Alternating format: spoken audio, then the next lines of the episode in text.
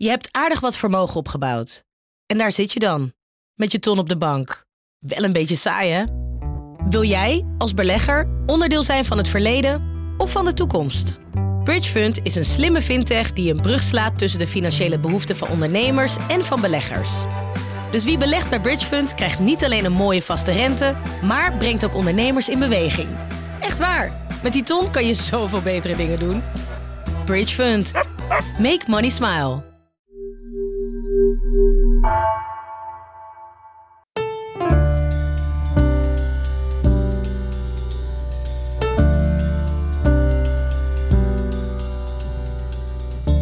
Welkom bij Tussen de Regels, een podcast van NRC over boeken en schrijvers. Mijn naam is Michel Krienaars en je luistert naar de vijfde aflevering van een serie over boeken die de wereld hebben veranderd.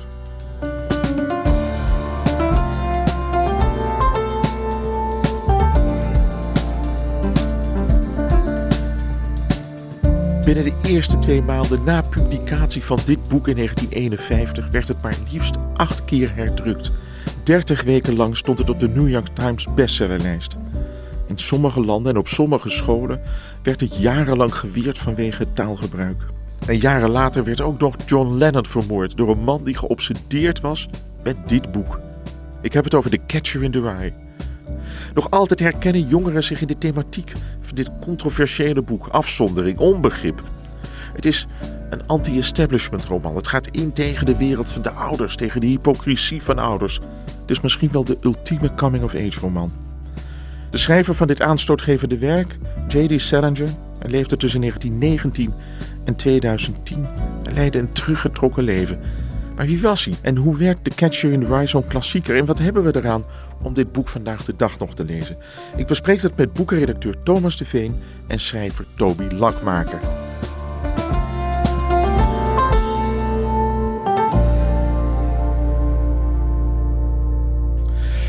Thomas, om met jou te beginnen, neem ons eens mee naar maandagavond 8 december 1980 in New York. Wat gebeurde daar? Ja, New York, uh, Upper West Side. Het was tien voor elf avonds. Een limousine stopt voor een huis en een 40-jarige man stapt uit. Hij wordt opgewacht door een 25-jarige man met een revolver.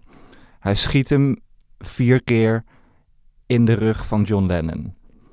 De moordenaar, Mark Chapman, was ooit groot fan van de Beatles.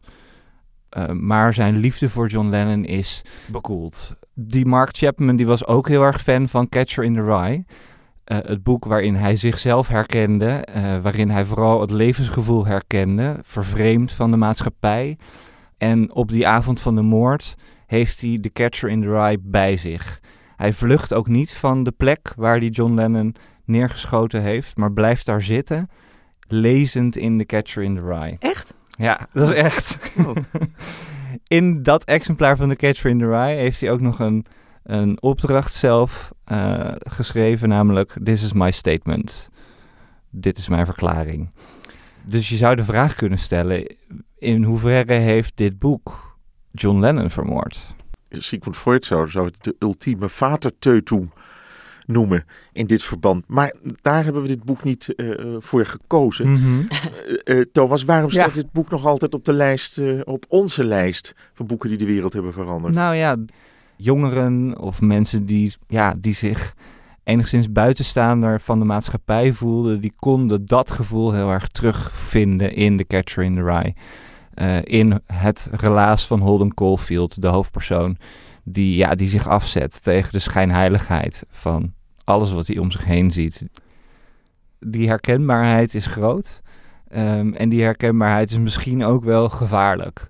En daarom denk ik dat het goed is om over dit boek te praten. Toby Lakmaker, jij bent een paar jaar geleden uh, gedebuteerd met een roman, uh, De geschiedenis van mijn seksualiteit. Een boek dat ik met ontzettend veel plezier heb gelezen. En ik had al vanaf de eerste bladzijde het gevoel met een, iemand te maken te hebben die The Catcher in the Rye goed had gelezen. Want de toon en de humor en het afzetten tegen het ouderlijk milieu, dat, uh, nou ja, dat komt sterk uh, overeen. Wat, wat, wat heeft het boek voor jou betekend? Ja, ik heb het voor het eerst gelezen toen ik denk iets van 18 was. Uh, want nou ja, waar ik ook in mijn boek een beetje grapjes over maak, dat ik in eerste instantie zo bezig was met alle boeken die ik zou gelezen zou moeten hebben, dat als je met die insteek boeken leest, dan komt het vaak niet helemaal binnen.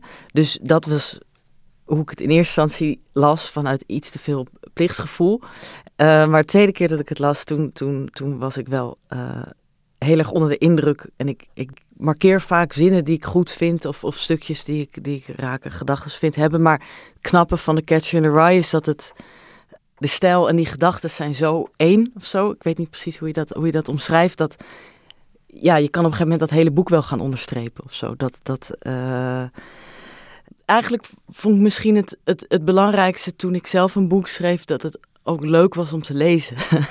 en dat is toch wel iets wat je de Catcher in the Rye, denk ik, dat niemand het kan ontzeggen. Dat het enorm veel plezier geeft van pagina 1 tot de laatste. En dat, dat, dat, in dat opzicht heeft me misschien wel het meest uh, nou ja, geïnspireerd. Dat, dat vind ik grappig, dat Holden Caulfield in het boek zo erg afgeeft. Is de hoofdpersoon. Uh, ja, dat Holden de hoofdpersoon, uh, behoorlijk afgeeft op films. Of in ieder geval zegt dat hij daar een enorme hekel aan heeft. Terwijl ik het boek soms een soort van filmachtige manier van entertainment ook wel vind hebben. Staat je daarbij aan, Thomas? Nou ja, kijk, ja.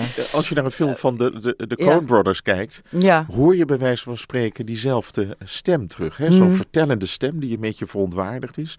Misschien is het goed, Thomas, dat jij eens eventjes die eerste alinea voorleest. Om die toon van, de, van Salinger een beetje in het hoofd te krijgen als je het echt allemaal wilt horen, dan wil je waarschijnlijk eerst weten waar ik geboren ben en wat een waardeloze jeugd ik heb gehad. En wat mijn ouders allemaal gedaan hebben voordat ze mij kregen. En meer van dat David Copperfield-achtige ouwe hoer. Maar eerlijk gezegd heb ik geen zin om het daarover te hebben. Ten eerste vind ik dat soort dingen stom vervelend. En in de tweede plaats zouden mijn ouders allebei zowat een dubbele hartstilstand krijgen. als ik iets een beetje persoonlijks over ze vertelde. Ze zijn behoorlijk gevoelig op dat punt, vooral mijn vader. Ze zijn wel aardig en zo, daar niet van. Maar ze zijn zo gevoelig als de pest. Bovendien ben ik niet van plan om een beetje mijn hele levensverhaal aan je neus te gaan hangen. Ik vertel je alleen over de zenuwtoestanden van vorig jaar rond kerstmis. Vlak voordat ik half in elkaar stortte en hierheen moest om het kalm aan te doen enzovoort, enzovoort, enzovoort. Ik dacht, ik uh, begin meteen met die energie die je ook voelt als je leest. En het, is, e- het lijkt alsof het één zin is. Hè? Het ja. gaat maar door en zo gaat het. Al die paar, wat is het, 215 bladzijden lang door. In, dat, in datzelfde ritme, datzelfde tempo, diezelfde woede. Even voor de luisteraar kort. Holden Caulfield. Jongen is in feite van school uh, gegaan, geschopt, zullen we maar zeggen. voor de zoveelste keer. Al voor de zoveelste keer. En het speelt zich af in drie dagen voor kerst. En het is een jaar later en hij vertelt zijn verhaal. En dan komt alles in voorbij. Die ouders, de leraar. Op een gegeven moment haalt hij ook een prostituee in huis. Daar wil hij dan geen seks meer hebben. Een ja. gevechtpartij herinner ik me nog met haar pooier. Ja. En uh, uiteindelijk ontmoet hij zijn zusje en willen ze samen vluchten. En dan is het verhaal, krijgt het zijn, uh, zijn, zijn climax op het ja. eind. Op zich een heel eenvoudig verhaal. Ja. Maar het heeft een gigantische spanning. Ja. Ja, en die zit hem dus in die woede, in, in zijn manier van naar de wereld kijken. En je gaat met hem meekijken en je gaat met hem mee oordelen. Dus alles wat er gebeurt, zie je meteen door zijn woedende ogen. Zijn, ja, zijn afkeurende blik in feite. Um, en ik denk dat dat het, het, het, spannende en het energieke eraan is. Nou, waarom is dit boek zo bekend geworden? Waar, waarom sloeg het zo aan? Ja, ik denk dat het vooral in die levenshouding zit, die levensangst eigenlijk. Dat gevoel van uh, een buitenstaander te zijn die ja, de dingen eigenlijk ziet zoals ze zijn. Namelijk als schijnheilig en als verpest. Um, iedere puber die kan zich op een bepaalde manier anders voelen dan de wereld. En dat komt dus door een soort van besef van kijk hier wat we aan het doen zijn. Jullie zeggen het ene, jullie doen het andere. Jullie zijn schijnheilig. Uh, dit is toch niet hoe de wereld in elkaar zou moeten zitten. Ik denk dat dat levensgevoel, zeker in de tijd waarin het verscheen, ja, dat had een grote aantrekkingskracht. Omdat iedereen, ja, het was, het was nog voor de seksuele revolutie, voordat de, de jongeren het overnamen in de wereld. Dus dat de burgerlijke moraal uh, in het geding kwam. Dit was een, een voorloper daarvan, een soort van een, een puberstem die overtuigend de wereld zag zoals die was. Ik denk dat dat nou ja, is. Ik kan me ook voorstellen, ik bedoel, het is gewoon steengoed nog steeds, maar dat het toen er ook gewoon relatief iets minder ruimte was voor puberstemmen. Denk het ook, ja. In ja. het uh, publieke domein. was patriarchaal, moeder achter het aanrecht, vader naar zijn werk, kinderen gehoorzaam Ja, nou ja, we kunnen niet echt zeggen dat de Catch in the Rye zich daartegen verzet, denk ik. Ja. Eh, het patriarchaat, maar... eh, dat, nee, het is eh, wel zo dat het inderdaad die taal van die puber eh, zo feilloos weergeeft. En ik denk dat dat in een wat deftiger volwassen literatuur misschien nog niet zo heel erg... eh, Het is eigenlijk een soort voorloper van hiphop. Ja, Rye. precies. Dit was gewoon de jeugdcultuur die je hier ineens eh, in Ja. woorden kreeg. Laten we eerst eens naar Salinger gaan. Het boek verscheen eerst in afleveringen in literaire tijdschriften tussen 1946, 47 en 1951 in boekvorm. Salinger was toen, toen hij het aan het schrijven was, zo'n 25, 26, een jonge, jonge kerel. Wat, wat was het voor iemand? Het is, het is eigenlijk iemand die zijn biografie niet eh, aan de grote klok heeft hangen.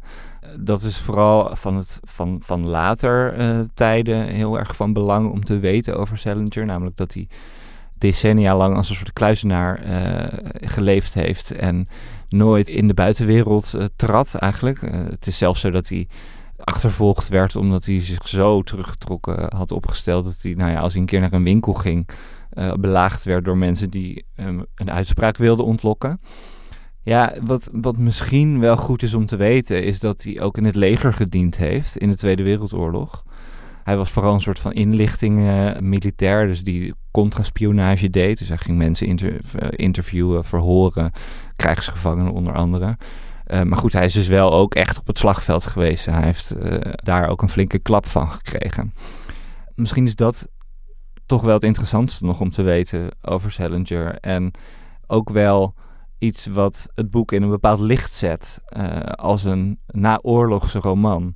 Eh, de oorlog komt er niet zo erg in voor. Ehm, eigenlijk ik kan me niet herinneren dat het, dat het echt een Nee, rol speelt. Helemaal niet helemaal eigenlijk. Maar wel in zijn negen verhalen, die trouwens Klopt. geweldig zijn. Ja, ja, Ja. daar zit een verhaal in waar inderdaad wat, wat als autobiografisch ook wordt gelezen over een, een militair die dus in Engeland in, in training is en daar een meisje hoort zingen op een gegeven moment. is misschien wel aardig om even een passage van voor te lezen. Is dat een Beautiful Day for Banana Fish? Nee, dat is niet dat verhaal, wat natuurlijk ook een heel bekend verhaal is. Maar dit is uit Voor Esmee, Veel Oh ja, Liefs en Morsigheid. En het is wel echt een cruciale passage in, denk ik, het oeuvre van Salinger, wat helemaal niet groot is. Het bestaat echt uit een paar boeken. Ehm, ze was een jaar of dertien, had stijl, asblond haar tot net over haar oren, een perfect voorhoofd en blasé ogen waarvan ik sterk vermoedde dat ze de opkomst in de kerk hadden geteld. Haar stem was duidelijk los van de anderen te horen en niet alleen omdat zij het dichtst bij mij in de buurt zat.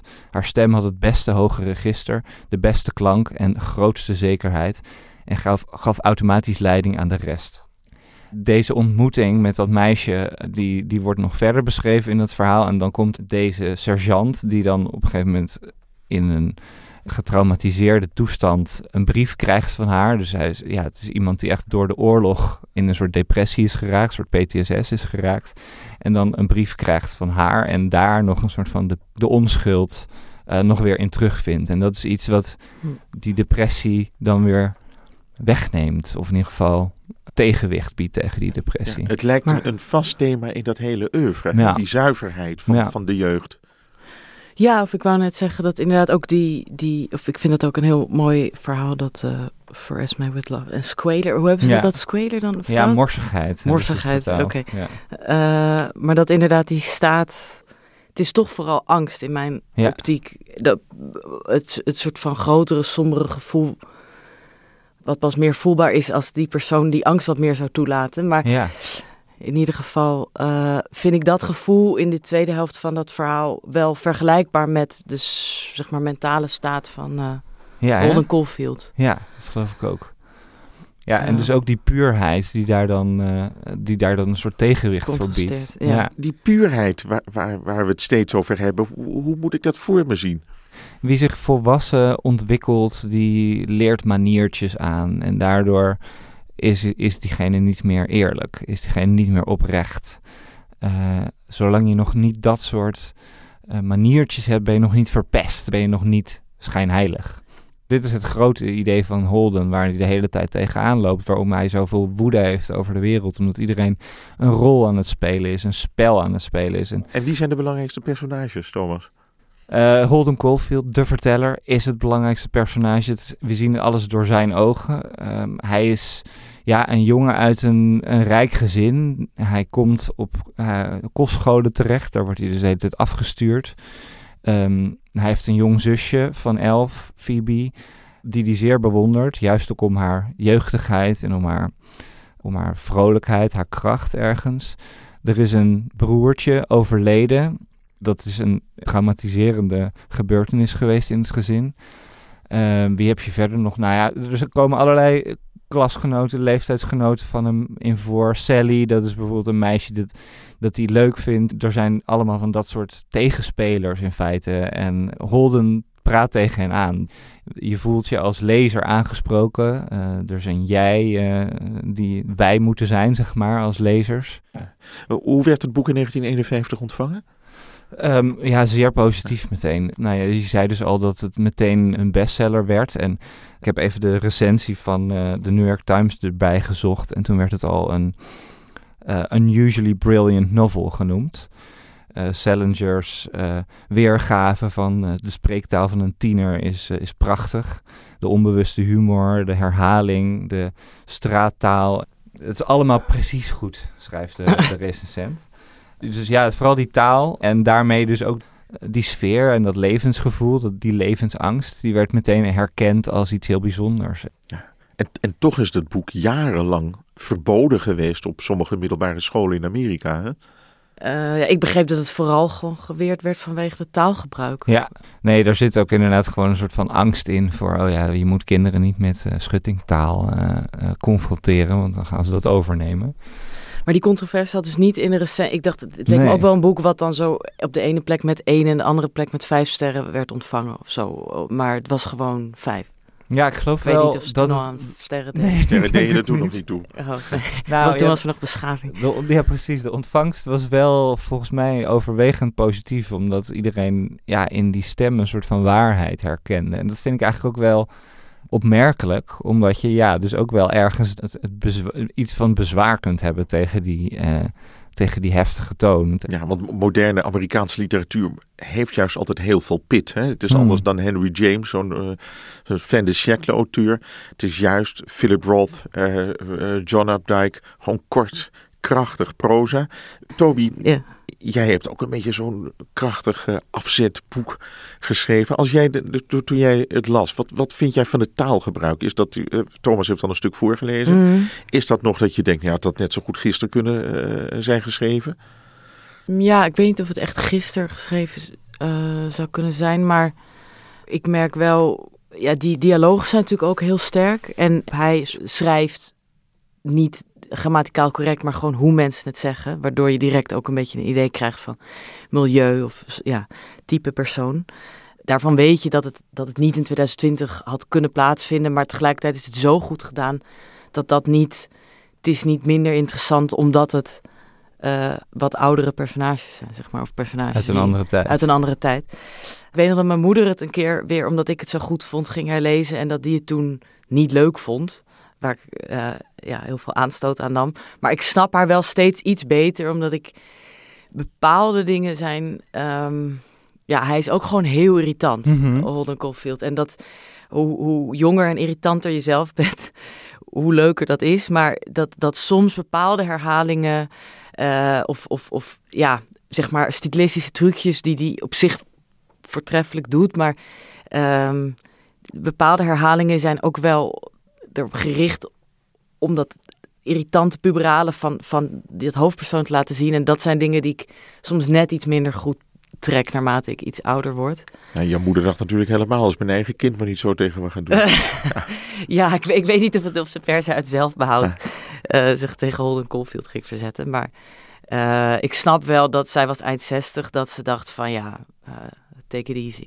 Ja, het is puberaal natuurlijk. Er zit iets heel puberaals en ja, simpels dus ook in. En hij ontkomt er zelf niet aan dat hij, dat hij net zo is als de wereld waarin hij, uh, waar hij zoveel kritiek op heeft.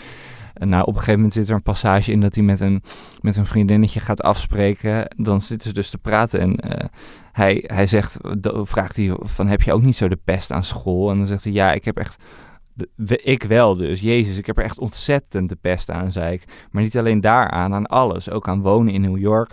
Taxis, de bussen op Madison Avenue met die chauffeurs die altijd tegen je zitten te schreeuwen dat je achter moet uitstappen. En voorgesteld worden aan schijnheilige kerels die zeggen dat de lunch hemels zijn. Nou, dat is een acteur. En met de lift op en neer gaan als je alleen maar naar buiten wil. En kerels die de hele tijd broeken aanpassen bij Brooks. En mensen die altijd... Wil je niet zo schreeuwen, zei Sally. Wat heel grappig was, want ik schreeuwde geen eens. Nou ja, dan schreeuwt hij dus wel. Hij heeft het alleen niet door van zichzelf. Nou, gaat het zo door en dan, dan, dan wil hij dus zo blijven tieren over de wereld. En uh, dan, dan zegt hij, je begrijpt helemaal niet wat ik bedoel. En misschien niet, nee. En jij misschien ook niet, zei Sally. We hadden intussen echt een bloedhekel aan elkaar gekregen. Het had duidelijk geen zin om te proberen een intelligent gesprek te voeren. Ik had spijt als de pest dat ik mijn mond had opengedaan. Kom op, we gaan hier weg, zei ik. Ik vind je een behoorlijke trut als je het weten wilt. Nou, en daar wordt zij dus heel erg kwaad over, omdat hij dus zo in zijn woede blijft zitten dat hij niet meer uh, over zichzelf kan nadenken. Dat vind ik eigenlijk wel een interessante, um, interessant gegeven aan dit boek, dat hij, dat hij eigenlijk irritanter is dan hij zelf doorheeft. En dat is misschien ook wel iets wat aan dit boek kleeft, doordat, nou ja, zo'n Mark Chapman, de moordenaar van John Lennon, geïnspireerd is door dit boek. Uh, en ja, hij wilde een soort van Holden Caulfield zijn en hij wilde die schijnheiligheid tegengaan. Dus ja, daarin zit een soort van uh, de, de invloed die zo'n boek of zo'n tekst kan hebben, uh, zonder dat je helemaal ziet wat er aan de hand is. Dat... Ja, want dan, ik denk niet dat Mark Chapman dat is geen echt goede lezer. In nee, de zin precies. dat je wel, het is juist zo goed geschreven, omdat je inderdaad ziet wat de tekortkoming is van de blik van Holden Caulfield. Maar je als lezer het wel nog net ziet, waardoor je ook empathie voor hem blijft voelen. Want anders was het gewoon een irritante gast. Ja, inderdaad. Als je hier een fijn boek over levensangst van een puber en de hypocrisie van de maatschappij die allemaal zo terecht is, als je dat erin leest, ja, dan vergeet je volgens mij ook dat er een soort ja, trauma onder ligt of een, een depressie onder ligt. Iets wat iemand helemaal niet geschikt maakt om te functioneren in de maatschappij. Dus als je hier helemaal in ziet wat, uh, dat het een heerlijk boek is waar echt de waarheid in staat, dan vergeet je toch dat, dat het ook een, ja, een antisociaal persoon is die helemaal niet past in de maatschappij. En die ook iets heel ergs natuurlijk heeft meegemaakt in de vorm van die dood van die, dat broertje. Ja, precies. En dat is uh, inderdaad de manier waarop dat trauma in dat boek. Uh... Welke trauma's worden er in het boek benoemd, Dowie? Uh, nou, ik denk een van de belangrijkste trauma's wordt best wel vroeg in het boek benoemd. Op een heel mooie manier, vind ik. Omdat het, nou ja, het probleem vaak met een soort van grote, groot verdriet benoemen is dat je het brengt als groot verdriet. En dan wordt het ja, voorspelbaar of saai. Maar hij uh, heeft het eigenlijk over de dood van zijn broertje uh, Ellie, heet hij volgens mij, die uh, op 13-jarige leeftijd, geloof ik, overleed. Um, en hij heeft het daarover omdat hij. hij is al van school gestuurd, maar zijn kamergenoot vraagt toch nog eventjes, omdat hij zo goed is in Engels, Holden, of hij een opstel voor hem kan, kan schrijven. En hij zegt, het maakt niet echt uit waar het over gaat, just make it descriptive as hell. Omdat hij een soort beschrijvend stukje moet schrijven. Maar uh, in plaats van dat hij het dan over een kamer of een stoel doet, zoals die huisgenoot uh, even suggereert, gaat hij het hebben over de, de baseballhandschoen van zijn broertje, waar hij uh, allemaal gedichten op had geschreven, zodat hij daar naar kon kijken op het moment dat hij op een veld, of op een plek in het veld stond tijdens baseball, waar hij eventjes niets hoefde te doen. Maar dus hij heeft het eigenlijk vooral over die, over die baseballhandschoen. Maar daaromheen laat hij eigenlijk vrij luchtig vallen van... oh ja, en die is dus gestorven aan leukemie. En uh, toen heb ik trouwens uh, alle uh, ramen in onze garage kapot geslagen... waardoor ik niet meer helemaal een strakke vuist kan maken. Maar het was toch niet alsof ik violist ging worden, dus het maakt niet zoveel uit. Dus dat... dat ja, vind ik een heel knappe manier om zoiets groots eventjes uh, er doorheen te brengen. En ik denk dat het ook wel goed is dat het vrij vroeg wordt genoemd. Want daardoor snap je toch wel beter hoe iemand van die leeftijd al zo somber naar de dingen kan kijken. Of. Eh, denken jullie dat die thematiek heel universeel is? Voor de puber, neerslachtigheid, eh, opstand, Wacht, ik wou misschien nog heel veel. Ja, in, zeker, in, in, Of, of, dat ik denk ik gewoon het charmante van het boek vind. Het heeft natuurlijk een heel kleine Het beslaat maar een heel korte tijd, het verhaal. En ik denk, ik bedoel, de charme van het boek is denk ik dat je voelt dat het nog twee kanten uit kan gaan met Ja. die gast. En Ja. ik dan, maar dat komt misschien ook door een soort eh classism of zo, maar dat ik denk, nou, het zal wel goed komen, want hij komt uit dit en dat Uit milieu of zo. milieu, ja. Ja, hoewel die natuurlijk juist op dat milieu kritiek heeft. Maar misschien is het inderdaad ook een soort... de- Blauwdruk voor de radicalisering van iemand. Ja, precies. Dat het ook een soort eh Baudet-potentie heeft of zo. Ja, of de, de, ja, of de, de, de inspiratie voor een incel, weet je wel. Iemand die zich ook, ook helemaal vervreemd voelt van de maatschappij en daar geen onderdeel meer van wil zijn. En Mhm. dat is ook wel interessant, want wat er dus tegenover staat, tegenover die hypocriete, eh, lelijke wereld, is een soort van jeugdige puurheid. Het zusje van Holden Caulfield staat daar eh, symbool voor in het boek. Dat is echt een, ja, een lief kind. En de titel, eh, De Vanger in het Graan, de, de Catcher in the Rye, die gaat daar ook over. Een soort van droom die Holden Caulfield heeft. Dat kinderen die door het graan van een klif afvallen, dat hij ze dan opvangt. Mhm. Dus de redder van kinderen, van de jeugdige puurheid in feite. Ja, die is dus ook gebaseerd op een idee dat er zoiets is als de jeugdige puurheid. Ja, want je kunt je ook afvragen of die wel bestaat. Hè, Is de mens niet al bij zijn geboorte verpest? Zullen we maar zeggen. En dus dat hele idee van die puurheid en die zuiverheid, ja, daar kun je je vraagtekens wel bij zetten. Bestaat er wel zoiets? En Maar ik vind wel, hij, hij, hij heeft, of dat vind ik soms de, de mooiste stukjes, dat hij zelf een soort van nog pure, of er, er, er, zeg maar tussen alle woede en irritatie door zijpelt er soms een soort, ehm, ja, in zekere zin wat puurdere gedachten die dan vaak heel verdrietig zijn. Zoals, ehm, je hebt dan het moment dat hij dus weggaat inderdaad bij die school waar hij vanaf is gestuurd en dan moet hij zijn spullen pakken en dan pakt hij ook zijn eh, schaatsen in. En dan wordt hij opeens extreem verdrietig omdat hij eh, die van zijn moeder cadeau heeft gekregen. En zich dan voorstelt hoe zij in de winkel allerlei vragen stelt aan de verkoper. Want ze heeft de verkeerde. Hij wou, eh, zeg maar. eh, hoe zeg je dat? Nou ja, snelle schaatsen. En daarvoor, in plaats daarvan kreeg hij van die kunstschaatsen. Maar ze heeft dus de verkeerde aankoop gedaan. Maar dan stelt hij zich voor hoe zij allemaal vragen stelt. En dan ik weet niet, dat zijn dan sowieso denk ik oprecht empathische momenten, maar ook eh, momenten dat hij zelf denk ik toegang heeft tot een soort van schoon verdriet of zo, wat niet eh, helemaal bevlekt is door een soort negatief oordeel over, over anderen. Dus dat. ja, eh, ja, ik moet ook denken aan zo'n soort. Ja, het is eigenlijk een soort motief door het boek dat hij, eh, dat hij zich afvraagt wat er gebeurt met de eenden in de Ja. vijver van Central Park. Als het vriest, waar blijven die eenden dan? Worden die door iemand daar- vrachtwagen door een meegenomen. vrachtwagen meegenomen om Enorme eh, empathie. ja, dus, Ja. Dus, maar er zit ook een soort inderdaad liefde voor ja, de natuur in. eh, voor, voor datgene wat onaangetast is door ja, de mensen.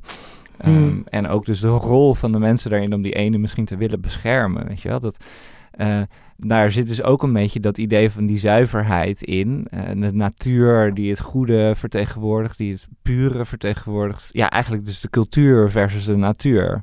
Ehm, ja, dat, dat zit er heel sterk in. Terwijl je je kunt afvragen, is het onderscheid zo helder te maken? Eh, en dat is wel iets wat je als lezer misschien meer hebt dan Holden zelf heeft. Of misschien zelfs dan Salinger zelf. Maar op zich heeft toch later die, want eh, in die Nine Stories krijg je dan op een gegeven moment toch ook, ik bedoel, ik vind de meeste verhalen ongelooflijk mooi, maar het wordt natuurlijk steeds net iets vager, omdat hij steeds iets meer zich begon te verdiepen in boeddhisme Hmm. en in die Oosterse filosofie ook als een soort van verzet tegen ja, het westerse denken. Ik bedoel, in die zin is misschien eh, niet dat we per se altijd eh, personages uit boeken moeten verwarren met hun eh, auteur. Maar voor zover we Holden een klein beetje eh, verbinden met, met Salinger, is die kritiek op dat Westen en in die zin de cultuur, ja, heeft zich wel gewoon doorgezet bij hem. Was Zeker. het niet een soort iets wat, wat, wat stopte na de puberteit? Of? Nee, Of- klopt. Of, want het lijkt natuurlijk beperkt tot een soort boos puberdenken in dit boek. Maar ja, voor hem was dat denk ik dan een soort voortdurend ja, dat heeft ook een heel ongemakkelijke bijsmaak als je iets meer over zijn verdere leven weet. Salinger had zelf ook een voorkeur voor jonge meisjes. Uh, als 53-jarige gescheiden man uh, kreeg hij een relatie met een jonge vrouw van 18 die hij verleid heeft door soort van de toon van Holden Caulfield in brieven uh, aan haar. Classy. Ja, en dus ja, dubieus. Het was een ongelijke verhouding. Die, die vrouw die uh, heeft in, uh, denk 2013, toen Salinger net een paar jaar dood was, heeft ze een keer een groot stuk daarover geschreven. Ja, waarin ze toch wel aangaf dat het echt een ongelijke verhouding was. Zij zei, ja, een vrouw, geliefde, ik vind dat moeilijke woorden in deze context, als ik er zo op terugkijk. We zouden het ook grooming kunnen noemen. Dus die, die hele verheerlijking van die puurheid, die had deze kant ook in Salingers leven. En um, dus inderdaad Maar zou je dat echt zegt, in verband brengen? Ik bedoel, het kan toch ook gewoon een viezerik zijn die met jonge meisjes naar. Ik bedoel niet dat ik Nou. dat wil normaliseren, maar... Moet je dat echt in verband brengen met Holden Caulfield's hang naar het pure? Nou, je moet je wel afvragen wat dat pure dan precies is. En als het pure eh, ook betekent dat het, dat het iets is waar je aanspraak op kan maken als 53-jarige man, omdat de puurheid nu eenmaal in dat 18-jarige meisje zit en je daarom verliefd op haar bent geworden, ehm, ja, dan doe je ook iets kwaad. Ja, maar ik, ik weet niet zeker of... Of je dat met me eens bent. Nou ja, omdat hij in het boek niet per se mensen van die leeftijd per se als puur... Die ziet hij vaak ook al als verdorven. Ja, dus ik bedoel, klopt. dat zusje is elf of zo. ja. Ik bedoel, als hij met meisjes van elf ging, dan kunnen we er misschien Nee, dat met is meer waar. zekerheid een soort verband tussen. Maar, Maar- het hele idee van die puurheid, eh, bestaat er zoiets als, als die schoonheid? Daar kun je Ja. je wel En hij is een zoek- afvragen waar dat vandaan komt. En hij is een zoekend iemand. Hè? Want jij noemt al dat, Toby, dat boeddhisme, dat is natuurlijk ook een soort, een soort puurheid in, Ja, ja. van de geest. Ja. Hè? Dus het is waarschijnlijk of deze man dus, eh, tot aan zijn dood op zijn 91ste bezig is geweest met dat eh, zoeken naar zuiverheid. Daarom heeft hij zich waarschijnlijk ook teruggetrokken. Ja, mijn Ja. idee, mijn lezing van de zijn dus dat, of dat het heel fijn is dat hij het tenminste 10, 20, 30 jaar lang niet heeft gevonden, dat pure. En dat hij daardoor over die vergeefse zoektocht heeft kunnen schrijven. Ja. En dat hij daarna misschien het inderdaad daadwerkelijk gevonden heeft en die inderdaad alleen nog maar naar de groentewinkel ging. En een soort van opgesloten zat in zijn huis, omdat hij zich natuurlijk helemaal heeft afgezonderd vervolgens. ja, dus eigenlijk zijn zoektocht Eh. naar het pure zat hem in een, in een paar eh, literaire werken waar hij het, waar die, die zoektocht in heeft kunnen ja, neerleggen en Ja, kunnen vinden ook. eigenlijk. Wonend in een veredelde boshut. Waarschijnlijk met een zwembad en een tennisbaan. Maar en, tot slot, waarom moeten we dit boek nu nog lezen? Waarom heeft het onze wereld veranderd? Ik denk dat het eh, een interessante blik werpt op wat, wat literatuur kan doen. We hebben natuurlijk nu in deze tijd veel discussies over een morele achtergrond van literatuur en of eh, wat er in literatuur staat een kwalijke invloed kan hebben op mensen.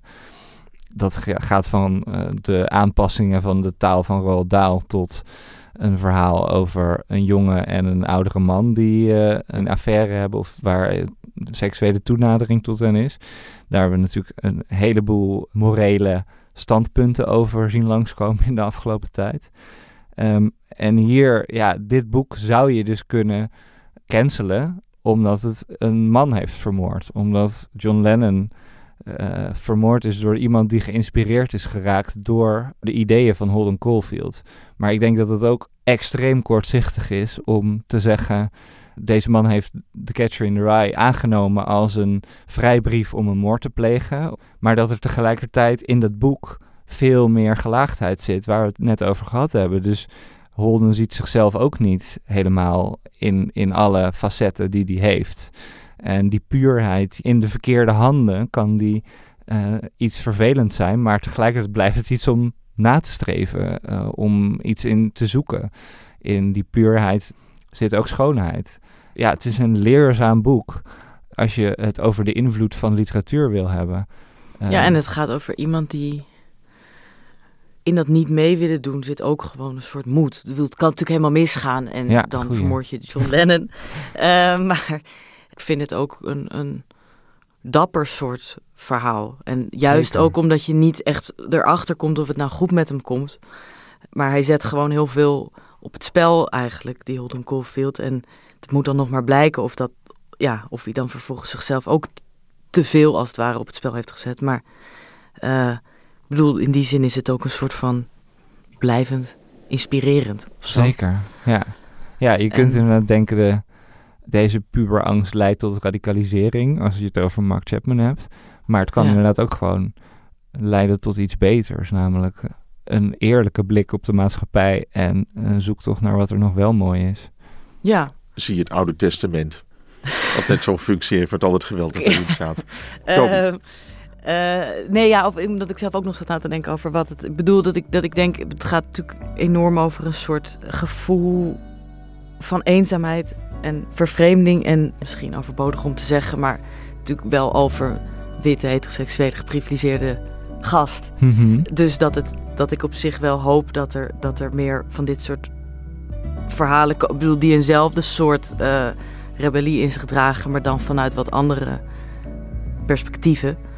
Maar uh, dat ik, als je vraagt van waarom je het nog moet lezen... ik gewoon denk, de stijl. Ja. Ik lees zelf altijd bijna te erg op stijl... dat ik helemaal niet kan vertellen achteraf waar het boek over gaat. Het is voor mij onovertroffen in, de, in dat opzicht. En dus, dus ook wat ik probeerde te zeggen met dat ik vaak dingen markeer en dat dat hier gewoon niet gaat. Maar omdat het gewoon zo dens is en zo gedachte en gevoel weet uh, samen te brengen in, in dus de stijl. Hij, hij weet eigenlijk een boek lang te vermijden dat de hoofdpersoon echt zegt wat hij denkt. Dat vind ik heel knap. Dat hij eigenlijk um, het alleen maar in een soort ontkenningen weten te vatten. Maar dat is ja, juist vaak uh, krachtiger. Ja. Grote literatuur dus. Ja. Dank jullie wel.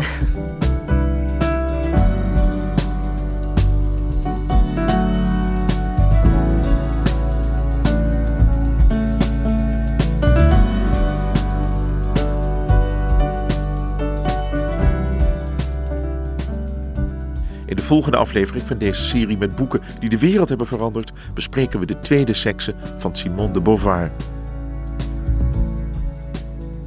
U luisterde naar een podcast van NRC.